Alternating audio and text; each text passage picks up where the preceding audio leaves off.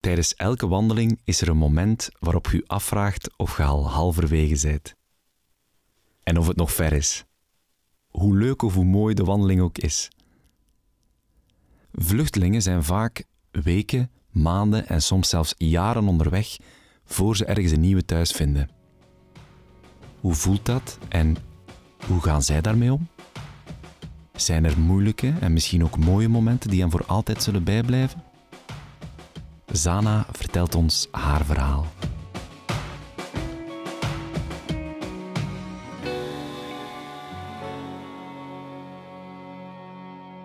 My name is Zana and I come from northern part of Syria. So I'm a Kurdish Syrian. We were all uh, at home and I was like basically in my pajamas and we heard the sound from uh, the mosque because uh, the mosque was already not calling the prayer time. So it was just a way to inform people because we didn't have electricity no tv nothing. So we heard like a voice all over the city saying that um, civilians uh, you have to leave the city immediately because isis are inside the city and if you stay we cannot protect you uh, because they can threaten us with the civilians. So this was the moment that I couldn't pack my bag, you know. This was the moment that I couldn't change my clothes and just had to go out from my house. And we moved with uh, 300,000 people, like basically all the civilians of the city, to the Turkish border. It was 30 minutes, I guess, by walk. And, and then we yeah we we never returned back because uh, our house was destroyed and it was given to the fire. My city called kobani and 80% of kobani was given to the fire by isis.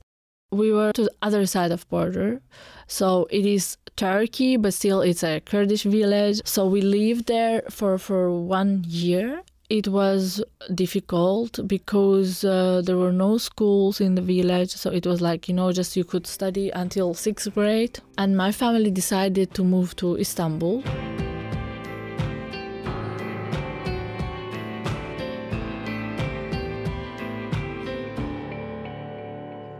When we went to Istanbul, it was uh, super hard, double hard, uh, because our rights were violated, and at that moment, if we were be caught, we would be caught by police. The question wouldn't be like if you are a refugee; it would be if you are an Arab or a Kurd, you know, because if you are Kurd, you are taken to the prison for no reason.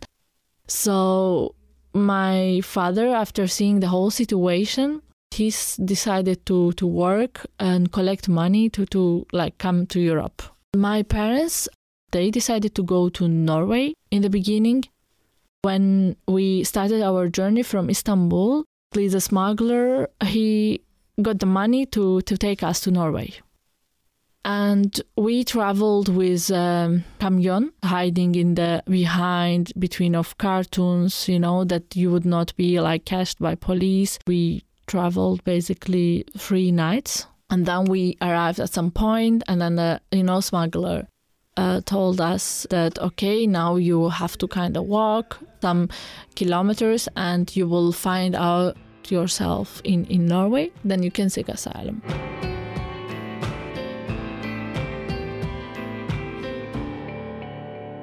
When we were walking it was uh, you know we couldn't see like we we don't see anything. It was dark.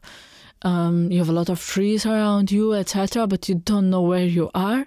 No signs nothing you cannot use your light like with phone because uh, the police will catch you. And while walking you have to every time check what is front. I remember that my father was throwing stones to hear if it's water or not because we, if we would fall to the water we, like half of us doesn't swim you know? And then we walked we crossed the border and then there was a swamp and you know once you step on it it starts to take you in. So we were like going in and in we didn't know what to do. And at that point like my sibling uh, they were only 13 years old. My mom my dad and me.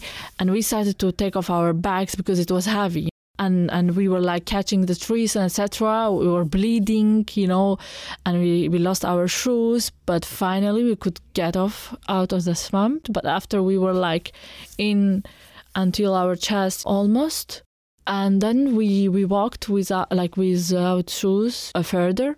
And after a moment we were caught by police. Basically like the police asked where are we from. We said we are from syria and they told us we are in Hungary. For me, what happened before was even like not a nightmare. Um, it started once I arrived in Europe. It was difficult, difficult, and more difficult.